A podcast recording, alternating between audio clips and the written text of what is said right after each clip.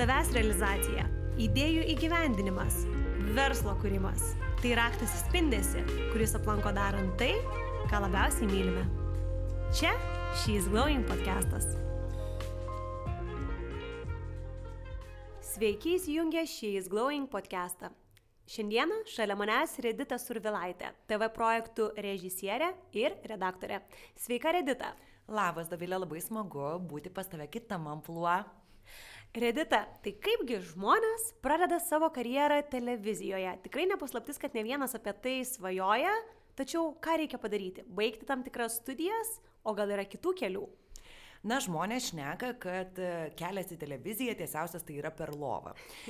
Kiti baigia kažkokias tai studijas, treti atsiranda teisingoje vietoje, teisingų metu. E, mano kelias iškart noriu visiems pasiteisinti ir išsiteisinti, kad nebuvo per lovą, bet e, ir studijų jokių šitą temą aš nesu baigusi.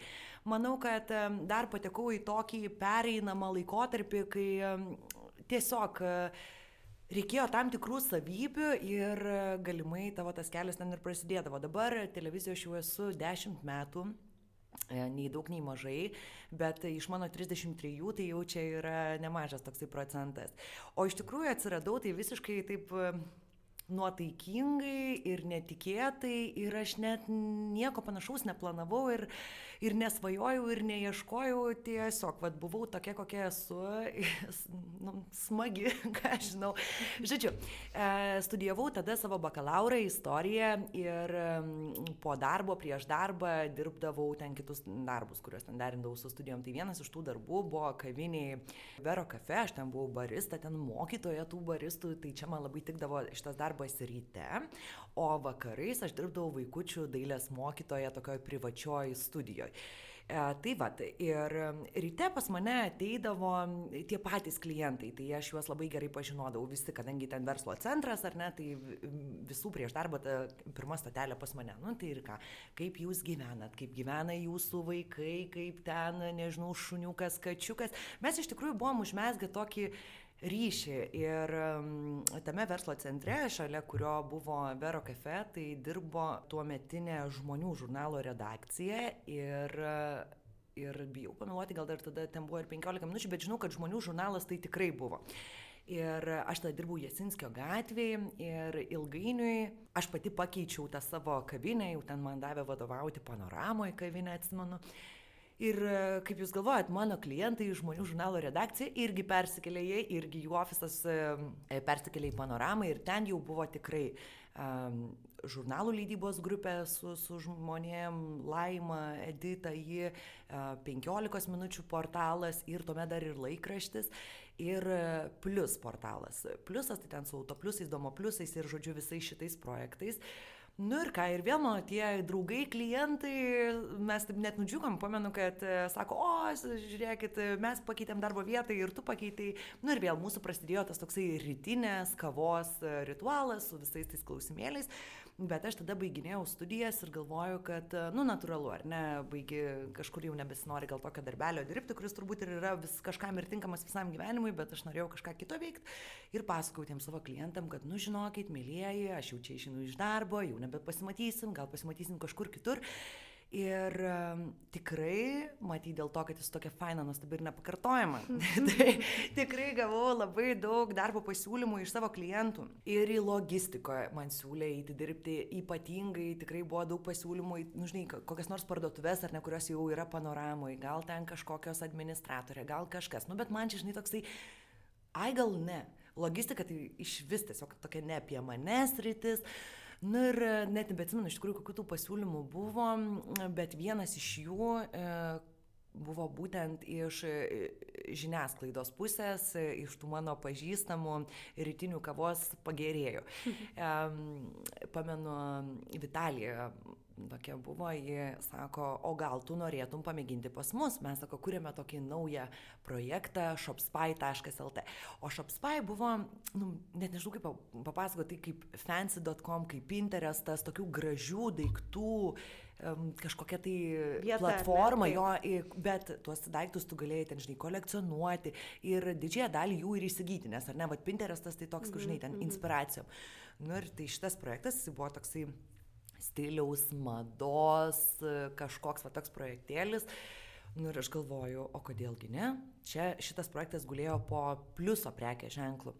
E, tai, žodžiu, atėjau aš darbuotis tą Shopspy, dirbau e, pardavimų vadybininkė, e, bet kažkaip fainai sekėsi, atsimenu, tikrai daug tokių fainų pažinčių, daug fainų klientų sutikau, daug dizainerių, žinai, visokių, kažkokių tokių išskirtinių žmonių.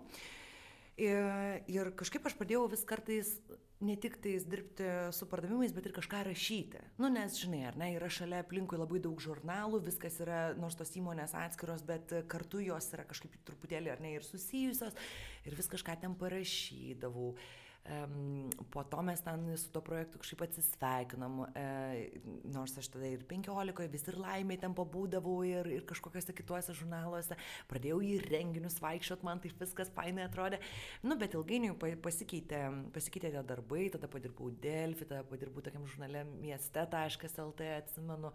Bet ten tu rašiai, ar ne? Kol kas dar čia televizijos tavo gyvenime nebuvo. E, aš žinai, tenais jau ir rašydavau, bet dar dirbau ir kaip toks pardavimų marketingo žmogus.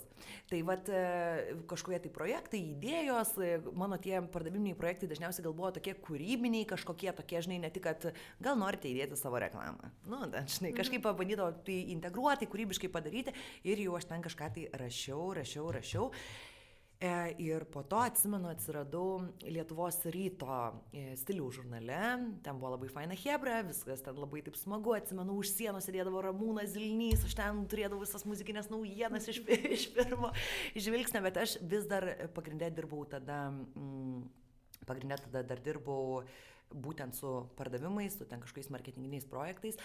Ir, ir ką, ir kažkaip tai vieną dieną jau ten, dirbdama tenais, aš vis gaudau kažkokių pasiūlymų, gal galit kažką čia biški nufilmuoti, gal galit kažkokį scenarijų parašyti, o aš tai ką, nei aš ten moku, nei ką, bet, o tai kodėlgi ne, žinoma, galiu, žinai, fake it till you make it, nu ir kažkaip tai e, vienas tam projektėlis po kito, mes jau kažkokią reklamėlę nufilmuojame, kažkokį video klipą kažkam kylančiam dainininkui padarom. Ir, ir pamenu, E, darbavausi ten su tokiamis damomis Lietuvos ryte, tokiam vyresnėm, jos mane gal sunkiai suprato, aš taip e, kažkaip atsimenu labai tada tikėjau, kad mes čia galim mano jaunatvišką maksimalizmą sujungti su jų patirtimi. Ir, žodžiu, čia gausi labai geri projektai, bet vis dėlto mačiau, kad sekėsi sunkiai. Žinai, e, toks kitas požiūris ir į pačią tą reklamą, ir į projektus. Nu ir aš kažkaip pagalvojau, kad gal aš išeinu.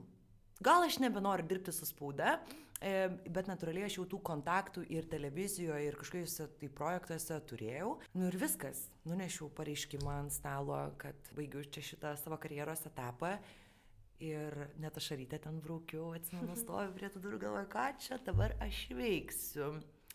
Bet, nu, žinai, liūdėti ilgai laiko nėra ir galvoju, reikia kažkam iškart paskambinti, kažkam pasakyti, kad aš jau esu laisva, kad davai kažką ten paveikėm. Ir dabar atsimenu, paskambinau tokiam bičiuliui, Ignui Grinevičiui, jį turbūt iš krepšinio žmonės pažįsta, iš Seimo rinkimų, prezidento rinkimų, irgi toksai šaunus žmogus. Ir sakau, Ignai klausyk, aš norėčiau kažką vat dirbti nu, pat kažką tokio su žiniasklaida, su televizija. Ir jis sako, tai gerai, tai atvaryk į videometrą, čia, uh, sako, pašnekėsi su Rolandu Skaisguriu, su jo žmonas, uh, tuo metinė Vaida Skaisgurė, sako, galėtų kažką tai sugalvos. Ir atsimenu, tada jo susitikom su Vaida, tada aš tapau tokio projekto raudonas kilimas.lt, čia buvo toks irgi glamūrinis projektėlis. Mm um, redaktorė. Kažkiek ten mes padirbom ir, ir tada man Vaida pasiūlė, sako, o gal tu norėtum pamėginti daryti laidą Raudonas kilimas. Čia buvo ta TV3 laida tokia. Vaidos tai jau irgi buvo turbūt viena pirmųjų laidų, kurias neįvedė ir aš galvoju, nu vėl, blemo, nežinau, kaip čia tas darosi. Ai, nu bet, nu žinot, kai, čia gal mano toks yra dalykas, kad e, man atrodo, kad nėra dalykų, kurių tu neįmanoma išmokti. Nu, žinai, gal ten yra kažkokie ten, ten medicinos dalykai, kurių reikia ilgai mokytis, o čia, žinai, tokie kūrybiniai projektai, arba tu juos gali kažkaip iški daryti, nu, arba negali. Nu ir va, ir Raudonas kilimas buvo mano pirma laida. Tai tu gavai tą projektą, žinodama apie televiziją, kaip suprantu, ne tiek ir daug, ar ne? Labiau eidama tiesiog taip į tokį tamsų mišką, galvodama, sužinosiu, suprasiu. Davilė, jeigu visiškai atvirai, e, tai, nu dabar jau galiu pasakyti, nes jau dirbti moku, bet, bet tada aš ne tai, kad nedaug ką žinau apie televiziją, aš nieko apie ją nežinau, aš taip literaliai nežinojau nieko, aš taip žinojau tiek, kiek žino dabartinis televizijos žiūrovai, žinai, apie tas laidas. Bet Vaida iš tikrųjų tikrai man tada ir, ir padėjo, žinai, čia sako, dabar tu parašysi tekstus studijoms, mano pristatymams. Gerai, nu tai aš parašysiu studijas, ten kažkaip kažkokio įkvėpimo ten gaudaisi, klausimus paruoši, važiuoji į tuos visus filmavimus. Ir kažkaip, žinai, dabar atbėjai atsimenu, e, mano buvo ir pačios pirmos, pats pirmas mano pačios vienos filmavimas, nes iš pradžio aš važiavau, žinai, su vedėja kalbintis. Ir atsimenu, man sako, o dabar tu viena važiuosi. Galvoju, okei. Okay. Hm. Nu, bet o kasgi tokio, nieko čia tokio, davai, nu, viena važiuosiu, tai viena važiuosiu. Ir tada kalbino mano pirmoji pašnekoja, buvo Karolina Meskino. Karolina, blema, gal buvo 18, ne, blema, 16, 16 metų buvo tada Karolinai. Nu ir va, Ir mes taip pasikalbėjom, nežinau, kaip man ten sekėsi, man atrodo, aš jaudinus labiau negu mano pašnekovė. Bet va, tai buvo toks. Bet Karolina tuo metu dar buvo nežinoma iš tikrųjų. Karolina jau tada, žinai, buvo Instagram'e tokia, va, jau kylant. Jis jau buvo mhm. tokia unikali, nu, va, kažkokia unikali mergaitė, kuri, va, mhm. nori kurti kažkokį turinį. Atsimenu, dar ten kadrą tai buvo sunku statytis, nes ten buvo Karolinos nuomojamas būtas, jis toks mažiukas, žinai, ten. Bet mes susėdusios, tikrai labai fainai pasišnekėjom. Ir man ta Karolina uždavė tokį toną, kad, kad vat, yra faina ten dirbti, yra faina susipažinti su tais naujais žmonėm. Ir, hmm. ir kažkaip aš pagalvojau, kad, nu davai. Kablys. Kablys, kablys. Jo, kad važiuojam, kablys. Aha. Tai va, tai iš tikrųjų, tai e, Raudonas kilimas laida tęsiasi, galvoju, nežinau, penkis kokius metus mes tenais darbavomės, greta natūralu atsirado jau ir kiti tada projektai, nes e, fake it you make it šitas suveikė, iš tikrųjų išmokau daug dalykų, net tikrai atsimenu, e, eidavau pas operatorių apsimetus, kad aš ten kažką išmanau ir jo klausdavau kokiu nors keistų klausimų, o tai čia šitas objektyvas, klausyk, ten čia 80, kas čia kokį, kaip čia. Ir tie klausimai buvo tokie kvaili, bet aš niekada neprisipažindavau e, toje pradžioje, kad aš kažko nežinau, žinai. Taip. Galbūt buvę ir geriau, nu iš karto, žinai, sakyti, pasakyti, o tu davai man paaiškinti, bet kažkaip, žinai, tas tokį jaunatviškas prisipažinti, kad, ai, aš gal nesuprantu, žinai. Tai, tai ne, aš jau per kitą. Bet tai esi puikus pavyzdys, kad nereikia galvoti, kad norint kažką pradėti, aš turiu turėti atsakymus į visus klausimus ir dar plus tūkstantį, kurių manęs niekas net niekada nepaklaus. Ir kaip tik, kad galima eiti, gilinti, sužinoti ir judėti pirmin tokiu būdu, tai mane labai motivuoja tavo istorija. Nu, ačiū, iš tikrųjų, žinai, manau, kad taip ir yra, bet tikrai aš turiu irgi pasidžiaugti, kad man atėjusiai tokiai žaliai, buvo draugiškas kolektyvas, e, kad e, tikrai ir Vaida pagelbėjo, ir vykdančioji producerė Gintarė buvo labai faina, ir mano vedėjos, su kuriuom aš dirbau, buvo tokios paprastos. Juolab, kad tuo metu aš žinai nežinau, kaip turi būti. Nu, man atrodo, kad visur taip yra. Nu, tai nu va taip va čia kažkaip ir yra. Ir ta prasme tikrai tas darbas jis nebuvo tik tais labai fainas arba tik tais labai lengvas. Jo e, žinai išėjimas iš komforto zonos man viskas tada užtrukdavo gerokai ilgiau padaryti. Um, tas pasiruošimas žinai žiūri kitų kaip kaip kolegos daro kažkokius darbelius. Nu ir bet kažkaip tai viskas gavosi nežinau. Ir tas sakau projektas po projekto mes e, tada pradėjom dirbti greta Raudono kilimo su virtuvės istorijų laida, irgi ten savo smagiai linksminomės, tada buvo laida Maisto kelias, po to aš jau iš tos producerinės išėjau, tada prasidėjo kiti įvairūs projektai, su, su Kudabom darbuojamės dar ir dabar su laida prieš srovę, e, dirbau tave manijoje su X Factorium, su Lietuvos talentais, e, tuomet e, į TV3, vis dėlto TV3 gal toks pagrindinis mūsų ten kanalėlis buvo penkių žvaigždučių būstas um, nu, žinai, tų projektų. Pamiršai paminėti dar vieną pavadinimų gyvenimas versle. Aš labai norėjau prie jo eiti ir prieiti, nes iš tikrųjų tai... Taip, ir po to mes ir kitoj televizijoje pradėjom daryti projektus, tai e, vienas iš jų, kurį mes turėjom garbės su tavim du sezonus daryti, tai yra gyvenimas versle, kitas e, pokalbiai prie jūros. Nu, žinai, visi, visi šitie projektai, prie kurių man teko priglausti ranką, nu, jie buvo labai labai skirtingi ir labai faini ir jie iš tikrųjų mane labai daug ko išmokė, nes e, kiekvienas projektas yra iš tikrųjų didelis iššūkis, nes tai taip, tu faktas, kad tu žinai, kaip reikia dirbti, tu žinai, kaip rašosi tekstas, tu žinai, kaip e, vyksta kažkokie montažo procesai. Bet bet kuriuo atveju kiekvienas projektas yra mm, su kitu konceptu ir su kitais žmonėm. O čia yra, žinai, didysis dalykas, pati dirbi su žmonėm, tai žinai, kad uh, nu, nėra viskas taip paprasta, o kartais kaip tik labai smagu ir žmonės gali tau labai palengvinti tuos darbus. Kas yra tavo nuomonė didžiausi iššūkiai, su kuriais susitarė žmonės dirbdami televizijoje? Žinai, ta televizija, aš vat, visai nesiniai rašiau dar tokį postą į Instagramą, nes net nežinau kaip pasakyti. Žinai, ta televizija jinai yra vienok vis tiek labai įtraukianti. Joje kažkaip žmonės nori būti tiek kadre, tiek už kadro, nes joje yra labai labai daug dinamikos. Bet draugė su ta dinamika ir kyla visi tie iššūkiai. Tai e, reikia nepamiršti, kad e, tu gali planuoti vienai, bet gausis visada kažkaip. Um, nebūtinai čia visa vyksta ten kažkoks balaganas, nereikėtų neteisingai suprasti, bet uh, kiekvieną kartą tu dirbi su mažesnė ar didesnė žmonių komanda, kur nu, ne, niekada negali žinoti iki galo, ar ten niekas nepavėluos. Uh, tai gerai, jeigu tik pavėluos, jie gali ir neteiti į tavo filmavimą ir taip yra buvę, žinai. Ir uh, ta tokia po, pokytis visada gali būti visaip. Kitas dalykas, tai e, tikrai tai nėra prognozuojamos darbo valandos, tai yra tikrai ne nuo 8 iki 5, ne nuo 9 iki 6, o tai gali būti nuo 6 ryto iki 2 valandos nakties. Aš ir tokią su pamaina turėjus, kai tu kitą rytą vėl keliesi, arba tu grįžti po pamainos naktį ir tu rašai scenarijų, arba tu e, mon, darai kažkokius mon, montažo darbus. Tai, Tai čia yra, manau, kad tikrai didelis išbandymas. Ir kitas dalykas, e, nu vis dėlto televizija turbūt yra tokia sulčiaspaudė, žinai. Žmonių, kurie nori virti tose sultise, yra daug ir e, gerų irgi yra daug. Bet kadangi tas darbas tikrai reikalauja daug laiko ir tos kūrybinės tokios energijos, tai vad kaip tą citrinėlę, tą sulčiaspaudė grežia ir, ir tie žmonės tikrai tokie kartais pametę sielą, žinai, aš taip sakau, kad būna, nes tikrai nuovargio ten yra daug. Be abejo, nes tikrai, tikrai pritariu. O Redita, turbūt sakyčiau, kad, na, ne, vien, ne vienas žmogus galbūt ir ne yra kažkada pagalvojęs, kad vat, būtų smagu išbandyti laidų vedėjo rolę, ar ne? Ir tikrai tokia mintis buvo ir mano galvoje, nors uh, patekau į televiziją visiškai atsitiktinai. Tai man labai įdomu, kas tavo nuomonė yra svarbu geram televizinės laidos vedėjui. Be abejonės, tai geras televizijos vedėjas yra tas, kuris yra gyvas, tas, kuris yra kažkuo autentiškas, kuris yra kažkuo įdomus.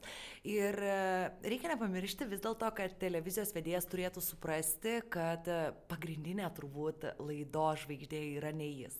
Taigi, jeigu televizijos tas vedėjas gali prisitaikyti prie tokios situacijos, e, nebijo to savo tokio unikalumo, nebijo parodyti, koks jis yra, nu, žinai, nenori būti tik ta vedėja, tik graži kadre, žinai, bet jinai nebijo užduoti nepatogaus klausimų, nebijo pasijuokti iš pašnekovo ir iš savęs labai svarbu, žinai, ir, ir supranta, kad jinai tik geras vedėjas yra tik tais mediatorius atskleista pašnekovą. Tai tada aš manau, kad toksai žmogus gali būti labai labai ilgai kadre. Ir jis tikrai turi būti, nu, vat, kažkoks biški. Nu, mes, pavyzdžiui, su tavim, kai pradėjom dirbti, man turbūt nu, patogiausia ir būtų etiškiausia kalbėti, žinai, apie šitą pavyzdį. Um, tai nu, žinojau, kad bus gerai dėl to, kad tavo labai akis degė, tu žinai labai norėjai daryti. Um, apie tavo jau tą tokį gebėjimą pristaikyti situacijų, tai čia tikrai, žinai, mes tau knygas galėtume parašyti padėkos. E, tai va, ir kitas dalykas, e, žinai, elementarus, nu, ar turite savo gerąją pusę? Vedėjas sėda ten, kur jai pasakė ir nuėjau, žinai, per daug, per daug ten nieko, nu, ta prasme, tikrai buvo, tikrai buvo vienas malonumas darbuotis ir, nu ir va, ir aš sakyčiau, kad gal vedėjui reikėtų pamiršti šiek tiek savo principus, savo to tokią ambiciją, aišku. Nereikia ten, žinai, ir kilimėlių būti, nes tai irgi parodo net tavo tokį unikalumą, charakterį, nes kiekvienam turbūt žmogui, ne tik tais dirbančiam kadre, bet ir už kadro reikia televizijoje turėti ir stuburiuką, ir charizmos. Svarbiausia turbūt gal charizma. Tai jeigu apibendrinti savo šitą blevyską, tai tikrai turbūt pagrindinis dalykas yra charizma. O ką tu patartum žmogui, kuris klauso ir galvoja, tikrai labai norėčiau išbandyti va, savo jėgas, ar ne? Ar yra kažkokios atrankos? Nes aš pasakysiu labai nuoširdžiai, kai aš gavau pasiūlymą, aš galvojau, kad turbūt tai yra pasiūlymas į atranką ir man čia reikės turbūt bandyti, galbūt, nežinau, vaidinti, viešai kalbėti. Tai aš iš tikrųjų įsivaizdavau visiškai kitaip tą kelionę, negu jinai susiklostė. Tai man labai įdomu, ką turėtų daryti žmogus, o gal nieko yra vienintelis kelias laukti, kol kažkas galbūt mane pastebės. Nu, žinai, man atrodo, kad gyvenime šitas kelias tiesiog laukti, kol tau nukris milijonas, laukti, kol ateis tavo ten svajonių vyras, laukti, kol kažkas pakvies kažkur. Tai Tai, nu, jis tiesiog yra visiškai beprasmis dalykas, e, faktas, kad e, tu turi veikti. Tai ar tu aktyviai veiki socialiniuose tinkluose, ar tu kažką fainai rašai, darai, nu, tiesiog esi kažkoks toks išskirtinis kažko tai kuriejas, arba ne, ar meno, ar verslo, ar, nu, bet ko, tu kažkoks toks esi kur, ir kuri kažkokį tai turinį, tai jau yra kažkokia tai galimybė. Kitas dalykas, aš ir pati gaunu žinučių iš kažkokių tai, dažniau gal merginų, bet vaikinai jūs irgi galite parašyti, tai tiesiog, kad aš labai noriu. Ir žinai, kai mes galvojame apie kažkokį naują konceptą, nes, va, pavyzdžiui, net ir dabar yra galvoj du ir vienas iš jų tikrai jau pasirodys rudenį, kitas tikiuosi irgi, tai, nu kam aš pirmiausia pasiūlysiu ta pabūt vedėja, nu tom, kurios man parašė, nes nu jos tikrai nori. Ir tai aš esu tokia labai smulki žuvis, sakykime, tam televiziniam, nežinau, čia produkšinė, bet yra tikrai svarbus ir įtakingi produceriai, kurie kur gali galvoti, kad, o, kaip čia baisu, čia kaip blemu, čia mane pasmerks, ten kažką nusakys, kokia durna, ko čia man rašinė. Tai ne, nu tai parašykite, jeigu tikrai norit, tai ir parašykite, yra, yra viešai prieinama ta visa informacija, kontaktai, producerinių kompanijų. Jeigu nežinot, kas ten daro kažkokį tai projektą, pažiūrėkit, laida baigėsi, visada yra įvardinta, kokia tai kompanija, kompanija tai daro. E, tiesiog internetuose rasite visą šitą informaciją, yra, yra jų Lietuvoje netiek jų ir daug. tai, tai tikrai kreipkitės, nu kaip ten, nesako, pabelsk ir bus atidaryta. Tai čia visiškai šitas kelias. Aš nemanau, kad tu būtinai turi baig, baig, būti baigęs kūrybinės industrijas ar kažkokį tokį dalyką, jeigu jauti, kad galėtum ir nebijai pasimokyti, nes iš pirmo, nu, dar nėra niekam, žinai, niekas netapo nuo paties pirmo filmavimo pačiu geriausiu vedėju. Jeigu nebijai, kad, nu, reikės pasistengti, reikės išeiti iš komforto zonos, reikės šiek tiek perlaužti, kažkur gal principiuką pamiršti ir panašiai, tai manau, kad visi gali pamėginti ir iš tikrųjų, o kodėl ne? Aš irgi parašysiu kokiam produceriui. iš ties tu dirbi ir kadre, ir už jo. Na, na, pavyzdžiui, vienas iš projektų, ties kuriuo mes ir dirbome kartu, buvo gyvenimas versle, kai tu buvai laidos režisierė. Tačiau kalbant apie laidą prieš srovę, tu būni kadre ir kalbini žmonės. Tai kurioje pusėje tau patinka būti labiau? Man, žinok, patinka būti, man patinka mano darbas. Iš esmės, tas darbas tikrai ne, neapsiriboja tik tais ten, žinai, režisieriaus, redaktoriaus, reporterio. Čia labai yra daug visokių dalykėlių. Man fainas yra tas mano darbas, aš ten net negalvoju, kažkaip, žinai, aš galiu pabūti ir dekoratorė darbe, ir valytoja, jeigu to reikia, ir grimerė, ir viskas. Man patinka tas visas konceptas, tas veiksmas, kad mes padarom kažkokį produktą, kad žmonės žiūri, kad jie kažkaip reaguoja man patinka keltą reakciją. Bet tas darbas kadrė ir už kadro, jis labai labai skiriasi, žinai, nes kai aš čia būnu už kadro ir būnu tokia bosė ir sakau, Dovilė, patrauk plaukus, Dovilė perklaus klausimo, Dovilė ten tą, na, trečią, penktą. Labai pažįstama. jo, tai, tai žinai, tu matai, tu matai kažkokias ten klaidas, tu gali jas pataisyti. E, ir, ir šiaip tu kažkaip ištransliuoji kažkokią viziją, kurią žmogus, perleisdamas per save, nu, va, įgyvendina. Kai tu esi kadre, nu tai jau, žinai, mano atveju ypatingai man už nugaros ne, nestovi, žinai, jau e, e, režisierė ir, ir, ir montažo režisierius, šiaip surabių kuriejai, tai jie, žinai, jau tik postprodukcijoje pamato, kai jau daro ir, žinai, jau turi kažkaip išsukti, jeigu man nepasisekė, bet uh, Um, žinok, bet ir ten yra faina. Ir tos rovės, žinai, mano šiaip gal nėra ta pagrindinė tokia tema srovių personažai ir mano gyvenime to yra mažai, bet man patinka pamatyti, kas vyksta pasaulyje ir tai mane įkvepia, žinai, kitiem kažkokiem darbam. Uh, ir, žinai, ir ten kažkokios vaikų atimimo istorijos, kažkokios ligoninės, mirtis, lygos, ten kažkas.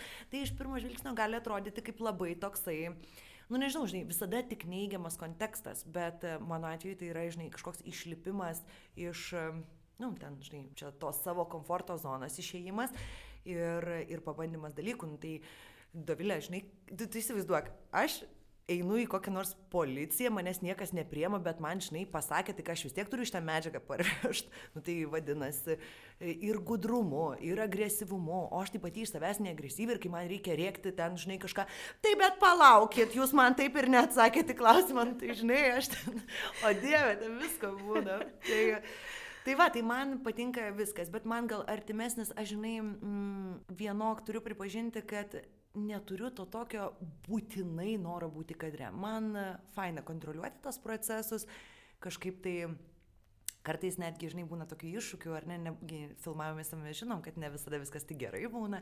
Tai kaip ištaisyti tą situaciją, kaip, kad, žinai, nesuprastų niekas, nu ir šiaip, kad fainai, kad gerą, žinai, kažkokį produktą pateikti.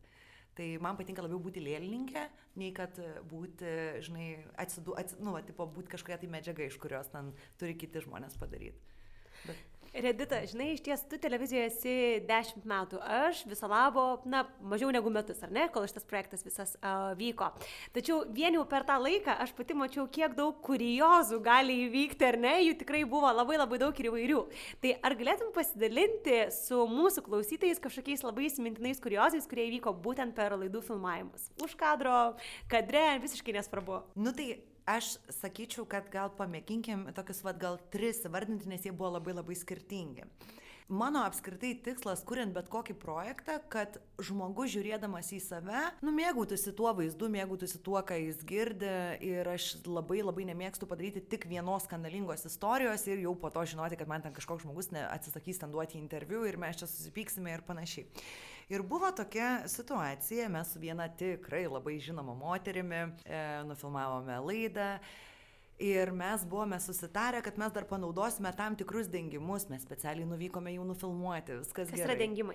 Dengimai tai yra, kaip čia, uždengimai, dengimai, tiesiog vaizdas, kuris yra parodomas kaip kažkoks asociatyvus, kalbant apie kažkokią tai medžiagą. Štai pavyzdžiui, Davilė kalba, mes pristatome jos verslą She's Glowing ir jinai bendrauja su moterimis, nufilmuotas kažkoks toks vaizdas, Taip. praeina koridorių, nežinau, žinai, kaip ten tą dieną. Norėjau užduoti klausimą, kadangi kadangi dažnai net kai mes kalbėdavom, ar ne, žmonės sakydavo, kas tie dengimai, ką mes čia darysim, ką mes čia dengsim.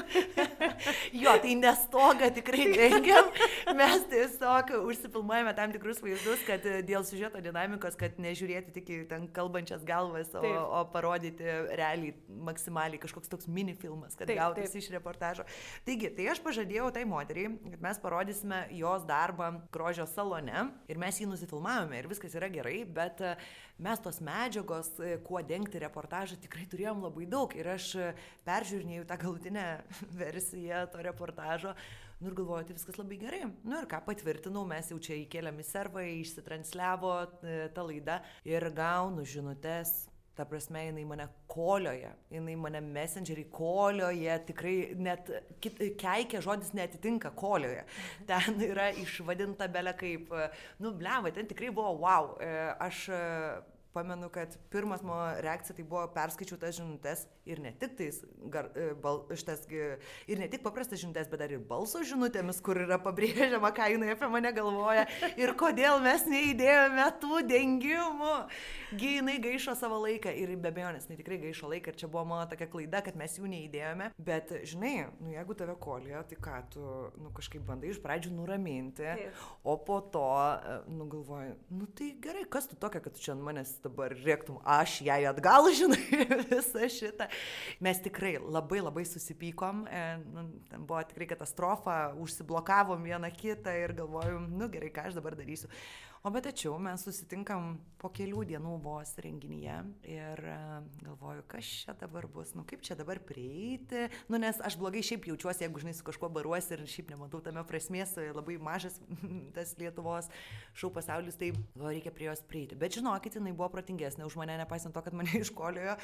Uh, jinai prie ir sako, Redita, aš galvoju, kad mūdvi pasikarščiavome. Sakau, taip, tikrai, mūdvi pasikarščiavome. Tada mes pasidarėme selfie, pasišėrinome jį Instagrame ir susitaikėm. Ir atblokavot vieną kitą. Atblokavom vieną kitą ir dar po to tikrai po šito incidento esam nufilmavę gal kokius e, penkis reportažus ir kadangi vis tiek esu tokia pramoginio turinio ir intrigos kurie, tai galiu pasakyti, kad Davilė, mes šitą moterį filmavome šiais metais taip pat su tavimi. Tikrai žinau, aš jau žinojau, apie ką tu kalbė tikrai klausant.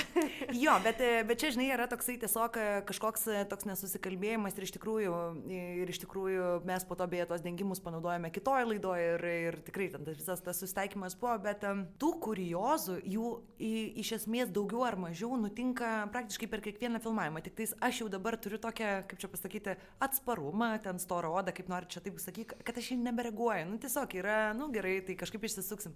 Bet pamenu vieną tokį studijinį filmavimą, mm, tai, tai buvo tikrai labai labai žiūrima laida, LNK televizijos tuomet laida, šventinė laida, kučių laida. Ir ten buvo tikrai labai ruošiamasi, labai intensyviai, kelias savaitės, netgi kuriami tam tikri specialūs muzikiniai numeriai, visą dieną nuo ryto iki vakaro sudėliota, nu maksimaliai. Ten nėra vėlavimui laiko, nėra kavai, rūkimui, ten tiesiog dirbam belia kaip.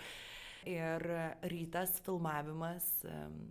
Ir tiesiog neteina, neteina pašnekovas nu, vat, neteina. Ir aš beje jam irgi bandžiau porą dienų skambinti, dar prieš filmavimą, tai kurį laiką kėlė ragelį ir sakė, kad ateis, o po to tiesiog iš vakaro jau, žinai, kad dingo. Nu ir aš, žinai, laikau čiūrikus, kad e, arba kažkas ateis, arba niekas neteis, bet aš jau pasiruošiu tokį backup planą, nes, žinai, čia taip nėra nutikę tik pirmą kartą. Aš pasiskambinau vienam tokiam pažįstamam labai šauniam dailininkui, irgi su labai įdomia istorija ir sakau, žiūrėk, yra taip ir taip. E, vat kas man atrodo, kad televizijoje irgi yra labai svarbu atvirumas, toks nesimavimas ir, žinai, tiesiog išsakymas tos problemos, tuomet ją yra lengviau išspręsti ir sakau, aš nežinau, ar pas mane ateis pašnekovas, ar tu galėtum ateiti, jeigu jis neteis. Ir jisai ryte netėjo ir mane tikrai gelbėjo, nu, va šitas kitas žmogus, e, kurį mes greit perrašėm scenarių ir jisai buvo taip pat įtrauktas ir buvo jis labai, nu, įdomių istorijų papasakojo. Šitoks dalykas, o aš jau nekalbu apie visokius ten pramiegojimus, kai ten bėgi šlapia galva į kokį nors ten filmavimą, nes dirbai iki ten trijų nakties, rašai ten kažkokį scenarių.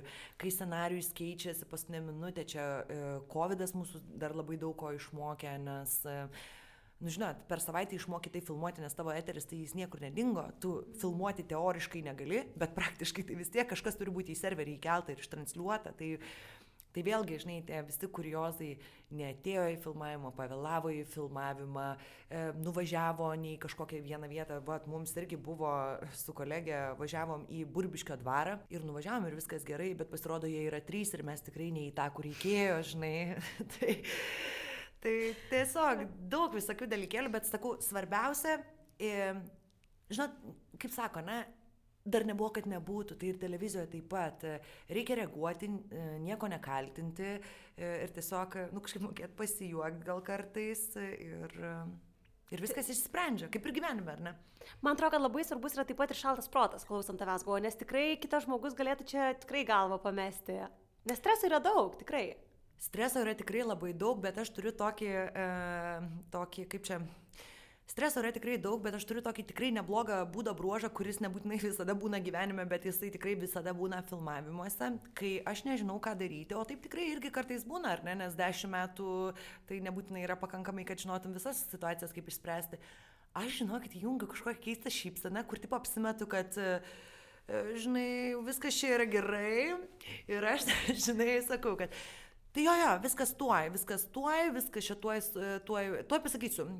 Nu ir aš realiai neturiu daug laiko apsimetinėti, kad aš viską žinau, aš tikrai turiu per penkias minutės sugalvoti, ką mes darom, bet dar nebuvo tokios tikrai situacijos, kur mes nerastume kažkokio tai sprendimo. Ir praeitą vasarą, vad atsimenu, su pokalbiais prie jūros keliavom, ten irgi wow yra nutikę ir paskutinis, žinai, kaip būna paskutinis filmavimas ir tu visą galvoji, kad, o, baigsim sezoną, kaip fainai, varysim visi šampą atsigerti, pasėdėsim. Taip. Nu, bet jis tikrai buvo netoks, atvažiuoja mūsų pašnekovas ir jisai pasirodo, ten buvo tokia biški integracija, žinai, vieno viešbučio ir sako, ai tai ne, aš su jais negaliu filmuotis, bet, žinai, pinigai tai čia sumokėti to partnerio, mm. o mes neturime kito herojaus dabar staiga ir ten yra daugybė dalykų suderinta ir aš nežinau tikrai ką daryti, nes man tai ir laidą nufilmuoti reikia, ir partneriui būti gerai, ir ten kažkaip tai. Taip. Nu tai ką, Nu, bet laida išėjo, partneris patenkintas, herojus irgi ir visi yra. O ką jūs padarėt? Nu, tai ką, mes tiesiog e, filmavome, e, filmavome ne viešbutie, koks buvo planas, mes išėjome pasivaikščioti po gražias apylinkės aplinkui, žiū, e, mūsų pašnekovas papasakojo savo istoriją ir po to susitarėme su juo, kad e, jisai pavalgys dar to viešbučio restorane, pasakys, kad labai skanu, mes tuo metu parodysime kokį nors ten logotipą montaže, bet jisai negirs tiesiogiai. Ir tada dėja, Davilė, vad kaip ir tau ten būna, vedėjai teko atidirbti, jinai ėjo į masažus, jinai ėjo ten, žodžiu, gyveno tenais, nu, dabar sen, bet viskas, žinai, bet svarbiausia, viskas buvo gerai ir aš nenoriu pasakyti, kad čia viskas nuo manęs vienos priklauso, čia labai priklauso ir nuo komandos, ir nuo paties, tasgi mūsų, ar ne, ir laidos partneris, jis galėjo pasakyti, kad kad man netinka. Bet jie irgi, žinai, taip lankščiai pažiūrėjo, mm. mes visi kažkaip sprendėm. Ir, nu ir ką, žinau, ir išsprendėm, ir svarbiausia, ir reitingas dar tos laidos buvo labai geras, tai žinai, all good in a hood.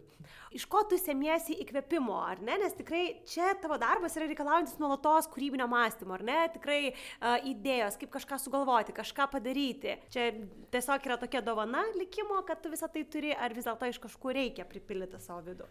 Nu, žinai, čia manau, kad vis dėlto turbūt tai yra tam tikra tokia dovana vertinti kažkokias situacijas kažkaip tai kūrybiškai, nes, nu, ašgi tikrai e, nemedituoju prieš menulį ir nelaukiu kažkokios mūzos įkvėpimo ir nedarau, e, bent jau, nu kaip, iš tikrųjų darau tam tikrus tokius kūrybinius pratimus, e, nusiraminimo jie gal labiau būtų, kad, žinai, išvalyti galvą ir ateitų kažkas naujo, bet Man atrodo, kad tas įkvėpimas ateina tiesiog e, kasdien vertinant e, aplinką. Nu, man atrodo, kad žmonės jūs visi galite pamatyti fainų istorijų, bet kartais tiesiog reikia atsimerkti ir klausyti. Nu, tai jeigu aš viena geriu kavą kažkoje tai kaviniai, nu, tai aš tada stengiuosi kažkaip neskrolinti, o pasidairyti ir kartais pasiklausyti svetimų pokalbių. Tikrai, nebejotinai, nes žmonės gali padovanoti labai daug minčių. Taip, tai čia visiškai, e, aš esu reklama tikrai didelio biudžeto ir, ir visiems žinomo prekinio ženklo nufilmavusi būtent iš nugirsto pokalbio kaviniai. Nu, Taip, ir, ir klipam čia taip pat, ir tom pačiom laidom, e, laidų vedėjų pristatymam, stand-upam, nu čia yra pats geriausias dalykas. Arba man nu, šiaip esu tokia estetė, tai man patinka eiti mieste ir, nu, dairytis. Tai, pas, tai pastatas gražus, tai mergina kažkaip fainai apsirengus praėjo, tai šiaip kažkokia porelė labai tokia, žinai, klindži tokia kartu. Nu, ir įkvėpia tokie dalykai. Šiaip, uh, menas eiti į kažkokias parodas, į muziejus, skaityti knygas, tai ar, čia kiekvienam žmogui, ar ne, bet kuris kas klauso, tai jeigu jūs norite turtingo žodino, tai jūs turite skaityti, jūs turite žiūrėti ir faktas, kad e, nereikia galvoti, kad tu esi vienintelis, kuris viską čia gali sukurti ir padaryti. Um, pasižiūrėti, ką daro užsienis, ką daro kolegos Lietuvoje, pasitarti. Man atrodo, kad apskritai tas žinai, gal ne brainstormas, kai visi susėda prie stalo ir dabar čia turim išgimdyti idėją, bet tiesiog e, tavęs galiu paklausti, ką tu galvotum apie tokią idėją. Atsimeni, mums e, Manfidas Žalienas pasakojo, kad e, sugalvojęs kažkokią tai idėją, jisai vaikšto ir ją pasakoja. Ir jeigu mm. žmonėms tai patinka, jis tai ima ir kuria tokį filmą. Tai aš irgi, žinai, kažkaip ypatingai, jeigu tai yra toksai scenarius, ne kažkokios laidos, o ten reklamos, klipo ir panašiai, tai aš visada irgi pasidariu, nes um, reikia nepamiršti, kad jeigu man ta idėja atrodo faina, tai jinai turbūt ir yra faina, bet gali būti, kad tai bus faina tik tai tiktais mano burbului, o ar ne mhm. aš noriu pasiekti kuo didesnį auditoriją. Tai šiaip stebėti aplinką, eiti, nežinau, net kartais būna net kažkokia muzika, kur kantri. Nu, aš nelabai įsivaizduoju, ne, kad taip, aš pasileisčiau kažkada kantri muziką ir ją paklausyčiau, bet kai mm, muzika labai duoda tokių energetinių dalykėlių ir kai tu tiesiog nebežinai, ką daryti, tai kartais gali tiesiog pasiklausyti YouTube ar ten Spotify visokių netikėtų dalykų, nes, nu, man tai aš klausau kantri, man iškart jokinga. Nu, tiesiog jokinga. Tai iš tikrųjų nereikia, kaip ir sakėjai, kažkokių tai sugalvoti specialių receptų ir tiesiog galima ieškoti įkvėpimo paprastoje kasdienybėje, pramerkiant savo akis ir pakeliant galbūt jas kartais nuo mūsų išmaniojo telefono. Labai tu gražiai čia viską apibendrinai, bet dar vienintelis gal svarbus dalykas, kad ateitų naujos idėjos, tai reikia nepamiršti, nu, maksimaliai pailisanti save ir kartais paleisti kai kuriuos uh, dalykus, kad galėtų ateiti nauji, nu, žinai, tiesiog. Redita, žinai, aš kai galvojau apie visą laikotarpį, kurį vat praleidau ar ne dabar televizijoje tikrai pagalvojau, kad vienas iš dalykų, ko pati išmokau, tai buvo nebejotinai ir ne ir kalbinti žmogų, tačiau kitas dalykas, tai buvo reflektavimas ant pašnekovų, kuriuos mes kalbinom. Ir aš savo pasakiau, galvoju, kad visi interviu, kuriuos duosiu ateityje, aš būsiu geresnė pašnekovė, ar ne, žmogui, kuris mane kalbins, nes aš žinau, ko reikia žmogui, kuris kalbina. Tai ir tikrai šiais glowing yra tikrai nemažai moterų, kurios vienu ar kitu laikotarpiu yra davusios interviu arba duos jį ateityje. Tai tavo nuomonė, kas yra svarbu žmogui, kai jis yra kalbinamas? Aš manau, kad svarbiausia turbūt e, yra atvirumas ir pasakojimas ne kažkaip pagražintai ar, nu, ne, nežinau, nevaidinimas. E, dėl to jūs ir kalbina kažkas, dėl to, kad jūs tam žmogui atrodot įdomus. Dėl to, tai aš jau čia tai priemu irgi tokį komplimentą, kad dėl to tu mane pakvietei, dėl to, kad tu manai, kad aš turiu ką papasakoti. Ir jeigu aš čia sėdėsiu ir apsimesiu, kad mes čia esame tik maksimalūs profesionalai ir čia nebūna jokių klaidų, nebūna jokių dalykų, nu tai tada ir turės mane kažkokį sausą pasakojimą ir čia bet kuriam taip žmogui. Tai e, nebijoti turbūt papasakoti, kuo jūs esat tikrai išskirtinis, unikalus, kaip atrodo tas jūsų gyvenimas, o turbūt tas gyvenimas yra dėl to ir gyvenimas, nes jis nu, nebūna visada tik tais kažkoks vienoks, ar ne, ir visokių tų dienų būna. Tai, o blogos dienos jos nebūtinai yra tik tais blogos blogos, nes iš jų irgi kartais ateina kažkokių tai dalykų. Tai manau, kad kiekvienas, kuris duoda kažkokį tai pasakojimą, turi pamėginti maksimaliai būti savimi to pasakojimo metu. Puikus patarimas. Na, o man klausant tavęs dar kyla klausimas. Ridita visgi dešimt metų televizijoje. Ar atėjo metas pokyčiams, ar kol kas nori likti toje pačioje kėdėje? Žinai, kaip tik e, dešimt metų, tai žinai, yra iš vienos pusės labai labai daug, iš kitos pusės labai mažai aš esu tikrai palaiminta dėl to, kad aš mėgaujuosi savo darbu, man jis tikrai nuoširdžiai labai patinka. Aš ant jo aišku ir pykstu, ir man ne viskas ten yra gerai, ir mane ir užknisa, ir atsibosta, ir pavargstu, ir neišsimiegu, ir visakas, bet e, vis dėlto labai žavi ta televizijos dinamika, kad, nu, Davilė, tu pati žinai, ar ne, kokių dalykų būna filmavimuose ir kaip tu tai gali paversti kažkokiu ypatingu turiniu. Mm. Tai man labai patinka ta televizijos magija galėti padaryti kažkokį fainą pašnekovą dar fainesniu, kažkokį, kuris tau galbūt nepatiko, mm, nu, tokiu jau visai priešų netgi visuomenės, nes iš tikrųjų reikia nevaidinti, ne, ne visos, tu prasme, ir žiniasklaidai yra naudojami šitie metodai ir ką mes matom ar ne. Ir, kitose laidose.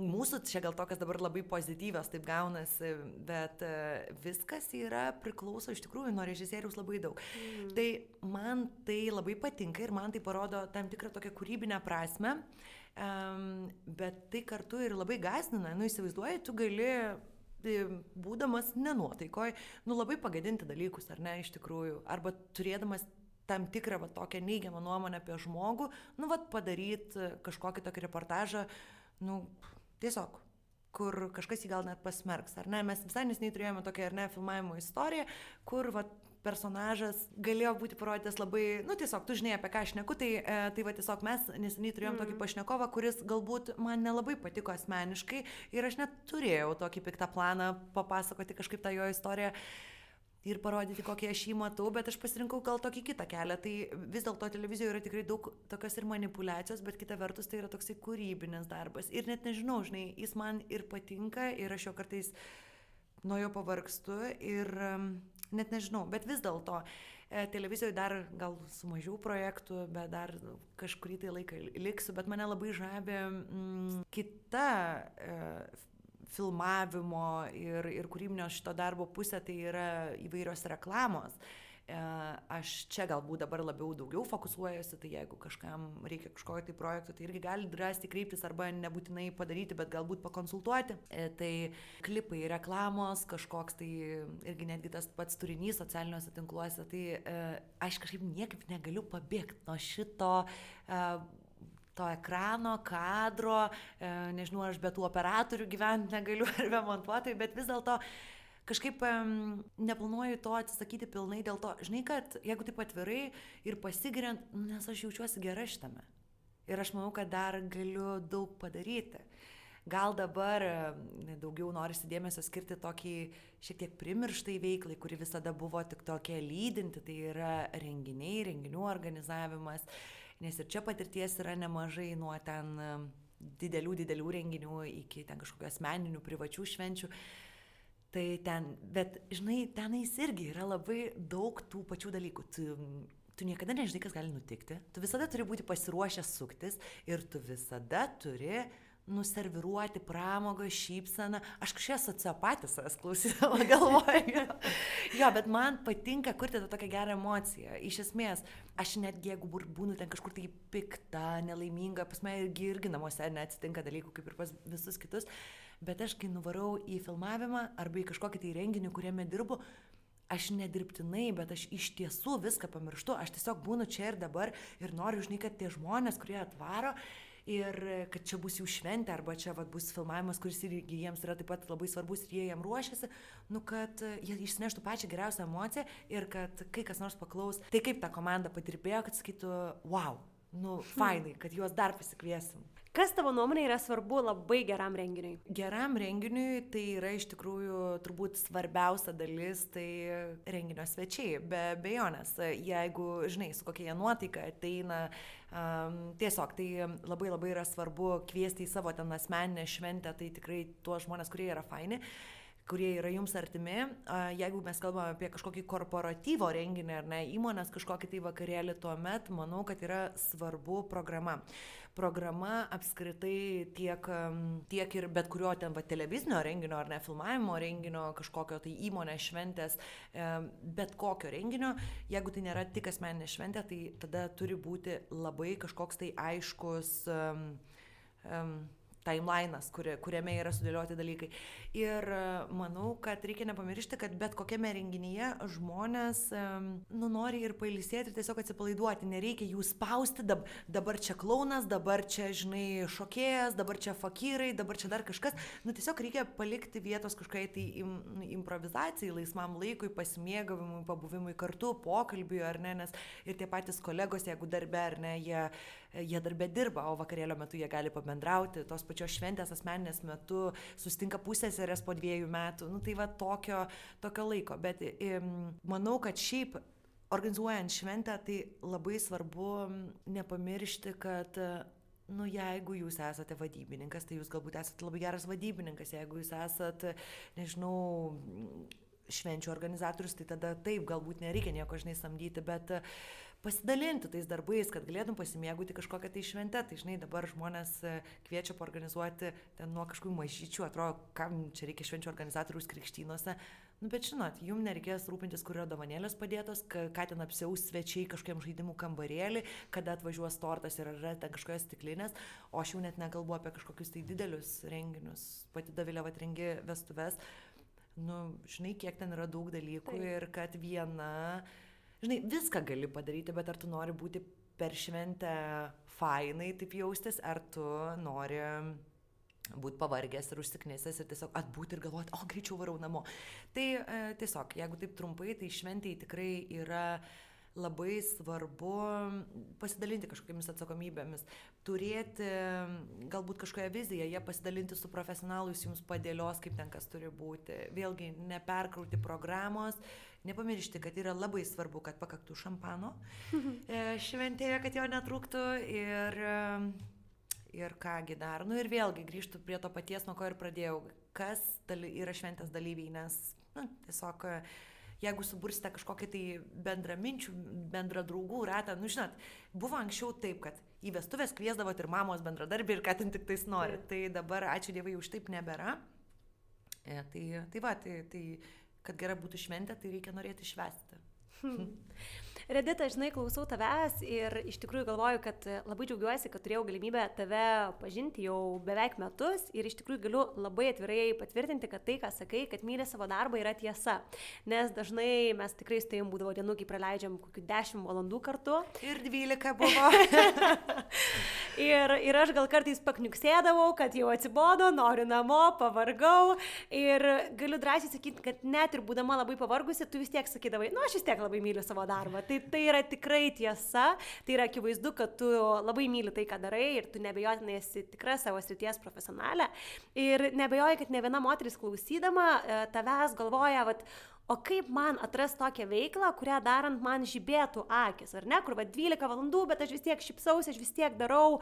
Tai tavo nuomonė, ką galėtų daryti žmogus, kuris galbūt dar netrado tos veiklos, kuri va taip vežtų, kad nebeskaičiuoji valandų? Žinai, aš, kad ir kaip mane veža, aš vis tiek valandą skaičiuoju, jau tikrai nebėra tos tokios paauglystės e, jausmo, bet um, kaip atrasti tą veiklą? Labai labai iš tikrųjų toksai ir klausimas e, ir, ir lengvas, ir sudėtingas, ir labai platus, ir, ir galima tikrai labai išsiplėsti, bet aš galvoju, kad uh, turbūt paprasčiausias būdas tai yra pabandyti. Pabandyti kelias galbūt skirtingas veiklas, juk mes dabar ar ne nebegyvenom tais laikais kaip mūsų tėvai, ar ne, kurie dirbdavo 20 metų toj pačioj įmonėje. Jeigu jums tikrai jaučiat, kad kažkas nu, nepatinka, neįdomu, nu tai visada galite pabandyti kažką kitą. Aš žinau, kad labai yra sudėtinga nu, nukirpti tą kažkokią bambagislę, bet, bet o jeigu jūs atrasit iš mane tą kitą veiklą, nu va tą tikrai kur dainuoja širdis, Tai manau, kad be abejonės reikia nebijoti bandyti tas skirtingas veiklas, kas aišku ir skamba tikrai lengviau pasakyti negu padaryti. Kitas dalykas, e, turiu bičiulę, vat, su kuria irgi nesnei išnekėjau apie tai, kad, sako, aš net neįsivaizduoju, ką man daryti. Nu, sako, aš net neįsivaizduoju, kurioje aš srity norėčiau dirbti.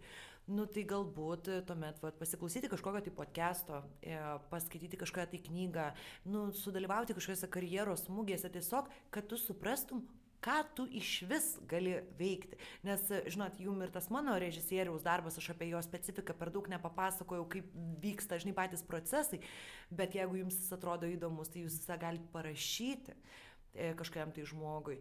Net nežinau, nubandyti, nu, tiesiog bandau rasti kažkokį ryšlesnį pasakymą ar pasiūlymą, ar tokį, žinai, vieną teisingą kelią, bet, nu, niekaip kitaip nebus. Bandyti, bandyti. ieškoti, Taip. daryti. Taip, aš tau pritariu, nes iš tikrųjų ir klausant tavo istorijos yra akivaizdu, kad tu pasimatavai ne vieną kepurę, iki kol tu atradai tai, kur tu jautiesi gerai. Ir ką dar noriu vat, pastebėti, žinai, taip reflektuojant tavo istorijos, kad tu nebijojai keisti. Kad nebuvo taip, kad nu, vat, aš čia, bet gal išeisiu ir ten bus blogiau. Ok, čia gal ne iki galo, važiuojam toliau.